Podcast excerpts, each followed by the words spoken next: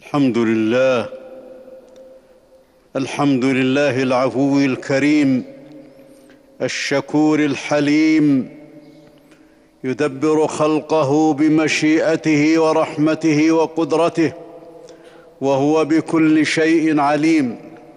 أحمد ربي وأشكره على نعمه التي لا يحصيها إلا هو ما علمنا منها وما لم نعلم. والله ذو الفضل العظيم. وأشهد أن لا إله إلا الله وحده لا شريك له رب العرش الكريم. وأشهد أن نبينا وسيدنا محمدا عبده ورسوله ذو الخلق العظيم. اللهم صل وسلم وبارك على عبدك ورسولك محمد وعلى آله وصحبه ذوي النهج القويم. أما بعد فاتقوا الله فاتقوا الله بالقيام بالواجبات ومجانبة المحرمات تفوزوا بالخيرات في الحياة وبعد الممات وتتبوأوا مساكنكم في الجنات. قال تعالى ومن يتق الله يكفر عنه سيئاته ويعظم له أجرا. أيها الناس أيها الناس من كان يريد الآخرة فالآخرة بيد الله وحده لا شريك له.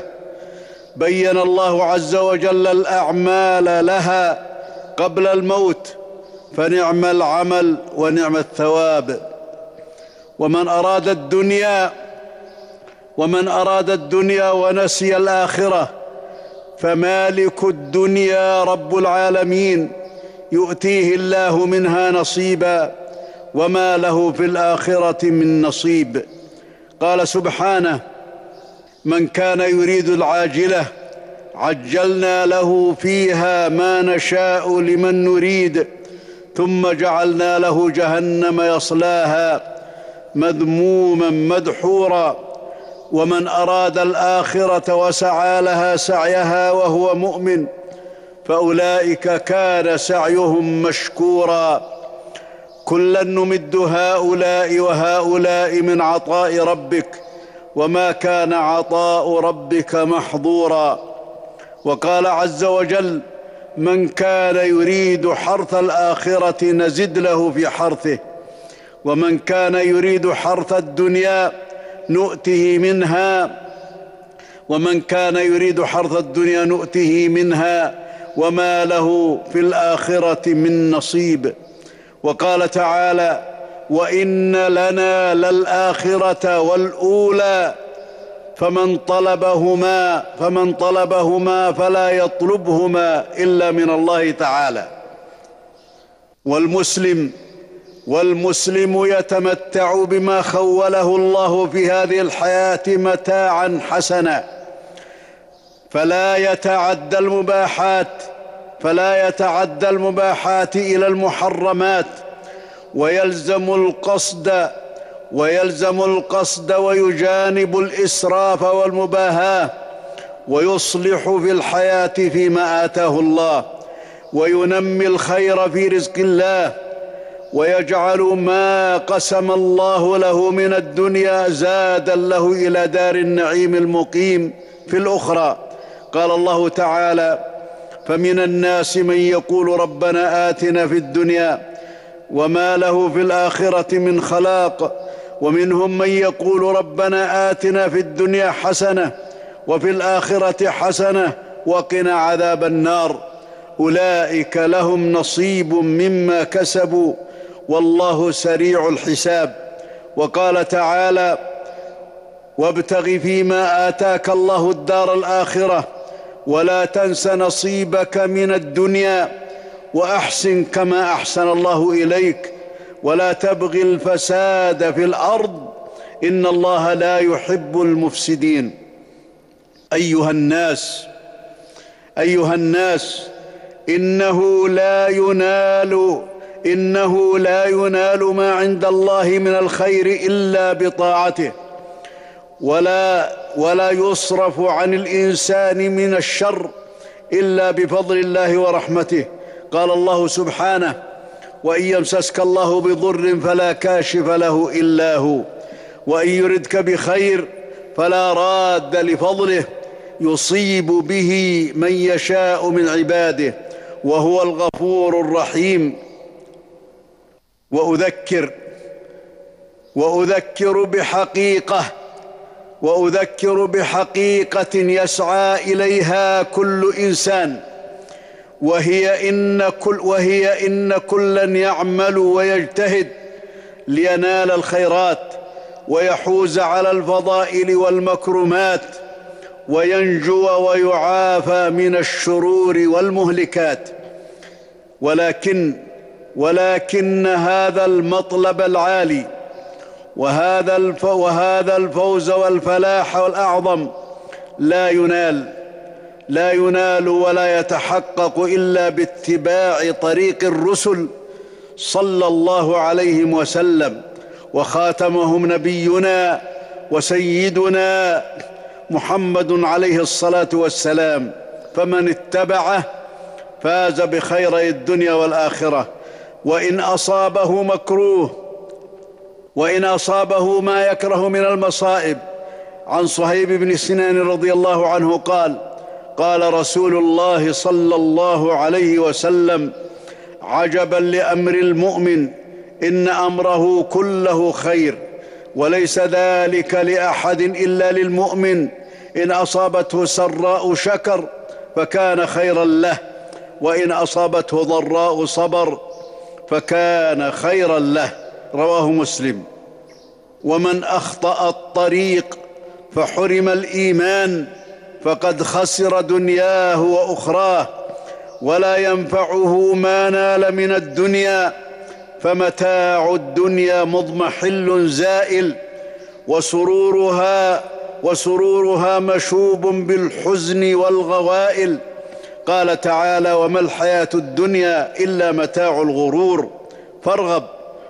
فارغب فارغب أيها الإنسان إلى ربك وداوم على الدعاء بسؤال الله تعالى كل خير والاستعاذة به من كل شر.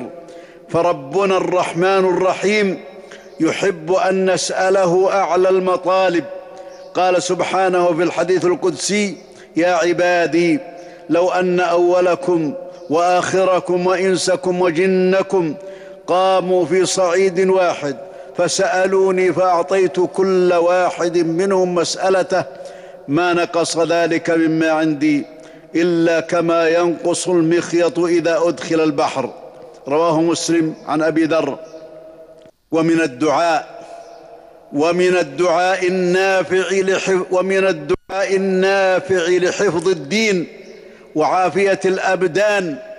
وحفظ مصالح الدنيا والآخرة. سؤال الله تعالى العافية. ولا سيما في هذه النازلة العامة والمصيبة الطامة. عن العباس بن عبد المطلب رضي الله عنه قال قلت يا رسول الله علمني شيئا أدعو الله به. قال سل, سل ربك العافية. فمكثت اياما ثم جئت فقلت يا رسول الله علمني شيئا أسأله الله تعالى. قال يا عباس يا عم رسول الله صلى الله عليه وسلم سل الله العافية في الدنيا والآخرة. رواه الترمذي وقال هذا حديث صحيح. وقد كان النبي صلى الله عليه وسلم وقد كان النبي صلى الله عليه وسلم يجل العباس ويحبه وينزله منزلة الوالد وكان يقول له يا عم أكثر الدعاء بالعافية رواه الطبراني.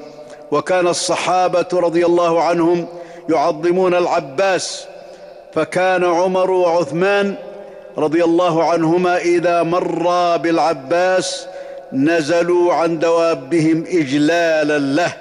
قال قال إمام قال إمام القراء والمحدثين في زمانه. محمد بن محمد بن الجزري رحمه الله.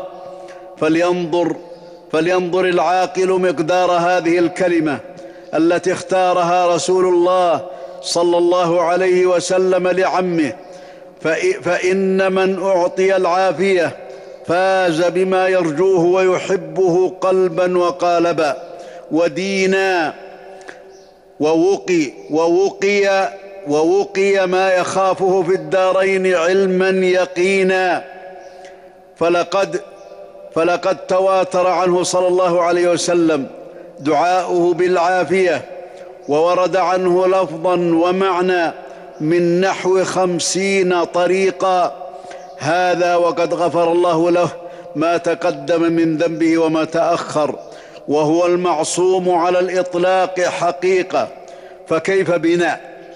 فكيف بنا ونحن عرضة لسهام القدر وغرض بين النفس والشيطان والهوى؟ انتهى كلامه رحمه الله. وعن أبي بكر رضي الله عنه قال قال رسول الله صلى الله عليه وسلم سلوا الله العافية والعفو فإن أحدا لم يعطى بعد اليقين خيرا من العافية. رواه الترمذي وابن حبان. والحاكم وقال صحيح الإسناد واليقين واليقين هو الإيمان بالله وملائكته وكتبه ورسله واليوم الآخر وبالقدر خيره وشره. والتصديق الجازم بما جاء بال والتصديق الجازم بما جاء في القرآن والسنة. لا يخالطه شك في ذلك. والركون إلى الله والركون إلى الله في كل شيء وتفويض الأمور كلها إليه. وعن أنس رضي الله عنه أن رجلا جاء إلى النبي صلى الله عليه وسلم فقال يا رسول الله أي الدعاء أفضل? قال سل ربك العافية والمعافاة في الدنيا والآخرة. ثم أتاه في اليوم الثاني فقال يا رسول الله أي الدعاء أفضل؟ فقال له مثل ذلك. ثم أتاه في اليوم الثالث فقال له مثل ذلك وقال فإذا أعطيت العافية في الدنيا وأعطيتها في الآخرة فقد أفلحت. رواه الترمذي. وعن ابن عمر رضي الله عنهما قال لم يكن لم يكن رسول الله صلى الله عليه وسلم يدع هؤلاء الدعوات حين يمسي وحين يصبح اللهم إني أسألك العافية في الدنيا والآخرة. اللهم إني أسألك العفو والعافية في ديني ودنياي وأهلي ومالي. اللهم استر عورتي وأمن روعتي. اللهم احفظني من بين يدي ومن خلفي وعن يميني وعن شمالي. ومن فوقي وأعوذ بعظمتك أن أغتال من تحتي. حديث صحيح رواه أبو داود وابن ماجه. والحاكم وابن حبان والدعاء والدعاء يدفع الله به هذا الوباء وغيره. عن سلمان رضي الله عنه قال قال رسول الله صلى الله عليه وسلم لا يرد القضاء إلا الدعاء ولا يزيد في العمر إلا البر. رواه الترمذي والحاكم وابن حبان. والذكر والذكر والذكر بأنواعه كلها دعاء عبادة يدفع الله به. تأمل قول النبي صلى الله عليه وسلم لأبي موسى الأشعري قل لا حول ولا قوة إلا بالله فانها كنز من كنوز الجنة. رواه البخاري ومسلم. وحديث أبي هريرة رضي الله عنه قال قال رسول الله صلى الله عليه وسلم لا حول ولا قوة إلا بالله. دواء من دواء من تسعة وتسعين داء أيسرها الهم. رواه الطبراني في الأوسط والحاكم في المستدرك وقال صحيح الإسناد. وتمام النفع وتمام النفع في الذكر بحضور القلب واليقين. وقد أمر الله تعالى المسلمين بالدعاء بطلب الخير ودفع كل شر. وأمر بالتوكل على الله وصدق الالتجاء إليه واعتماد القلب عليه. فقال تعالى وتوكل على الحي الذي لا يموت وسبح بحمده وقال تعالى فاعبده وتوكل عليه وضمن الله وضمن الله لمن توكل عليه حقا والتجأ إليه صدقا. ضمن له الكفاية.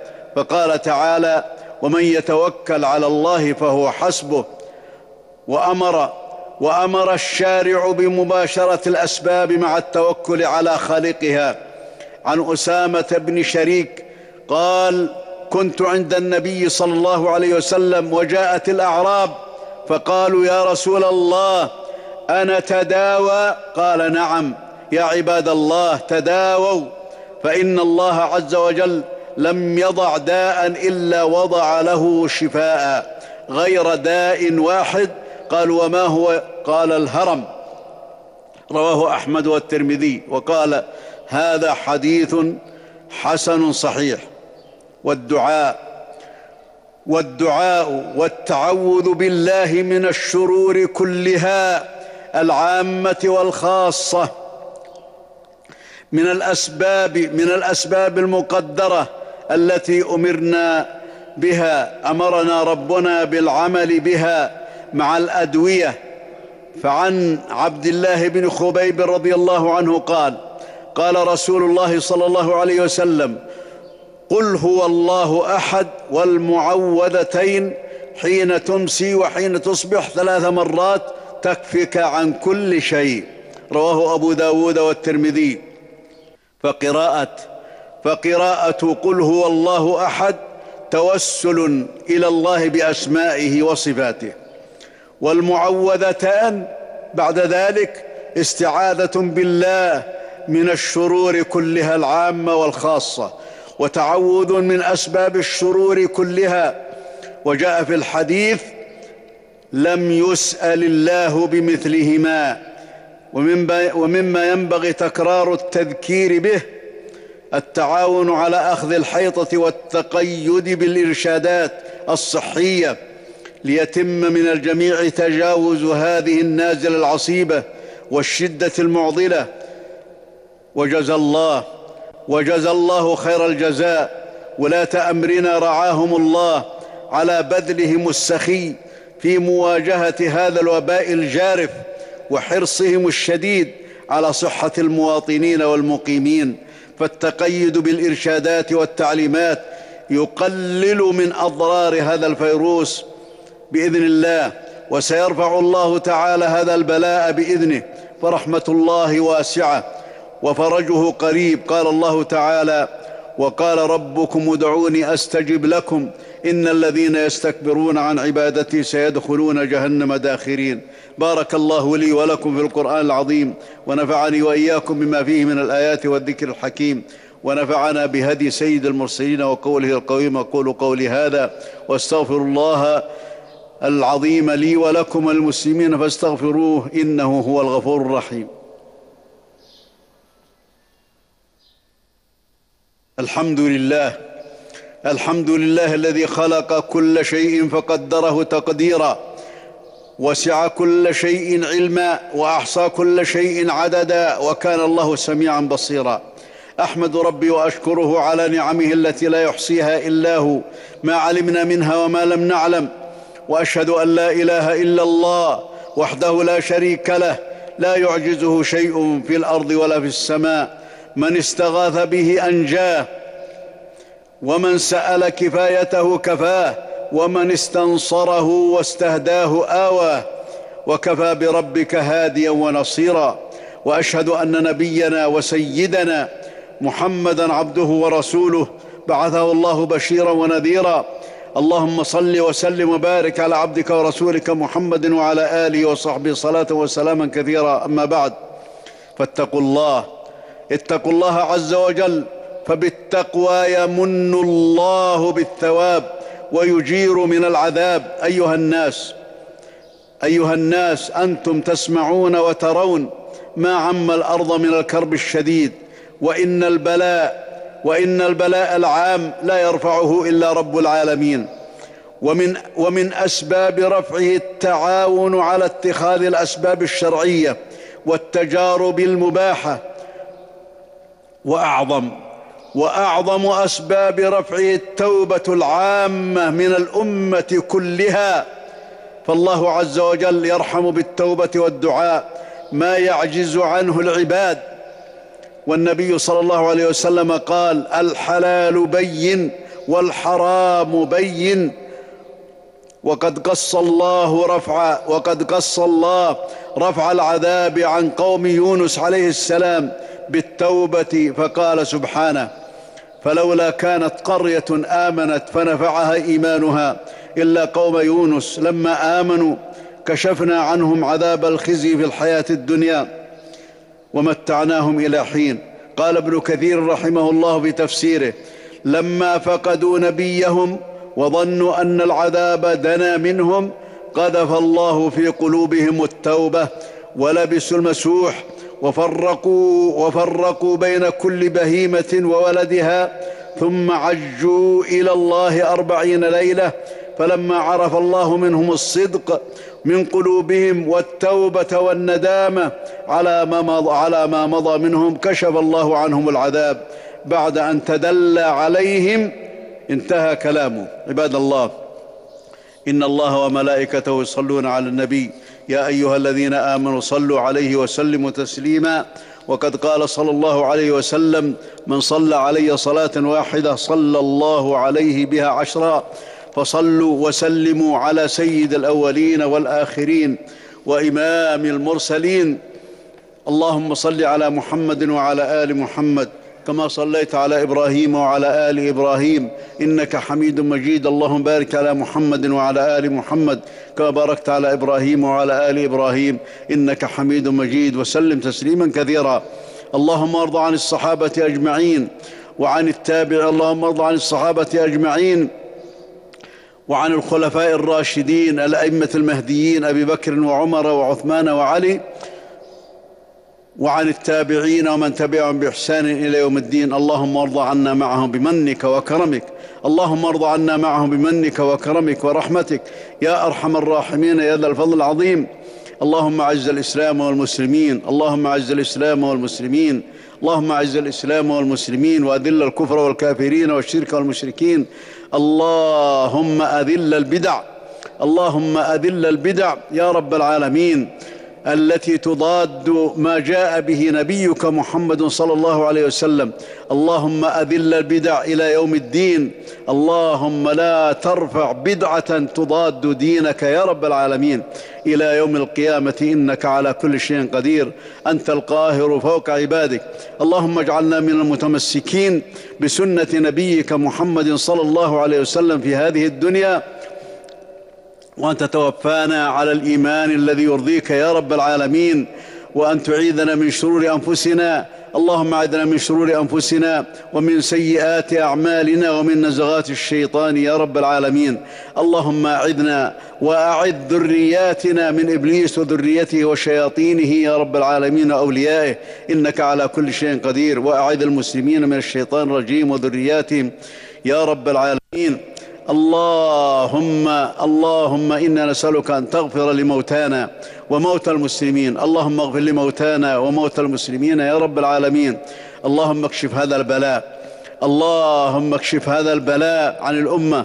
اللهم اكشف هذا البلاء وهذه النازلة وهذا الفيروس وهذا المرض. يا رب العالمين اللهم يا رب العالمين ارفعه عن بلاد المسلمين. وارفعه من الأرض. إنك على كل شيء قدير. اللهم عافنا واعف عنا. اللهم عافنا يا رب العالمين. منه وعاف المسلمين. منه يا رب العالمين. يا رب العالمين. وارفعه عن الأرض. إنك على كل شيء قدير يا رب العالمين. اللهم أعذ بلادنا من كل شر ومكروه. اللهم احفظ جنودنا يا رب العالمين. إنك على كل شيء قدير. اللهم احسن عاقبتنا في الأمور كلها وأجرنا من خزي الدنيا وعذاب الآخرة. اللهم اغفر لنا ما قدمنا وما أخرنا وما أسررنا وما أعلنا وما أنت أعلم به منا أنت المقدم وأنت المؤخر. لا إله إلا أنت. اللهم لا تكلنا إلى أنفسنا طرفة عين. اللهم وفق خادم الحرمين الشريفين لما تحب وترضى. اللهم وفقه لهداك واجعل عمله في رضاك يا رب العالمين. اللهم أعنه على كل خير. اللهم نسألك أن توفقه للرأي السديد ولما فيه العز للإسلام والمسلمين. اللهم وفق, وفق ولي عهده لما تحب وترضى. اللهم اللهم وفقه لهداك واجعل عمله في رضاك واعنه على كل خير ووفقه للرأي السديد يا رب العالمين. إنك على كل شيء قدير. اللهم لا تكلنا إلى أنفسنا طرفة عين. اللهم لا تكلنا إلى أنفسنا طرفة عين وأصلح لنا شأننا كله. اللهم أرنا الحق حقا وارزقنا اتباعه وأرنا الباطل باطلا وارزقنا اجتنابه. اللهم إنا نسألك يا ذا الجلال والإكرام أن تحسن العاقبة لنا وللمسلمين إنك على كل شيء قدير عباد الله. إن الله يأمر بالعدل والإحسان وإيتاء ذي القربى وينهى عن الفحشاء والمنكر والبغي يعظكم لعلكم تذكرون. فاذكروا الله العظيم الجليل يذكركم واشكروه على نعمه يزدكم ولذكر الله أكبر والله يعلم ما تصنعون.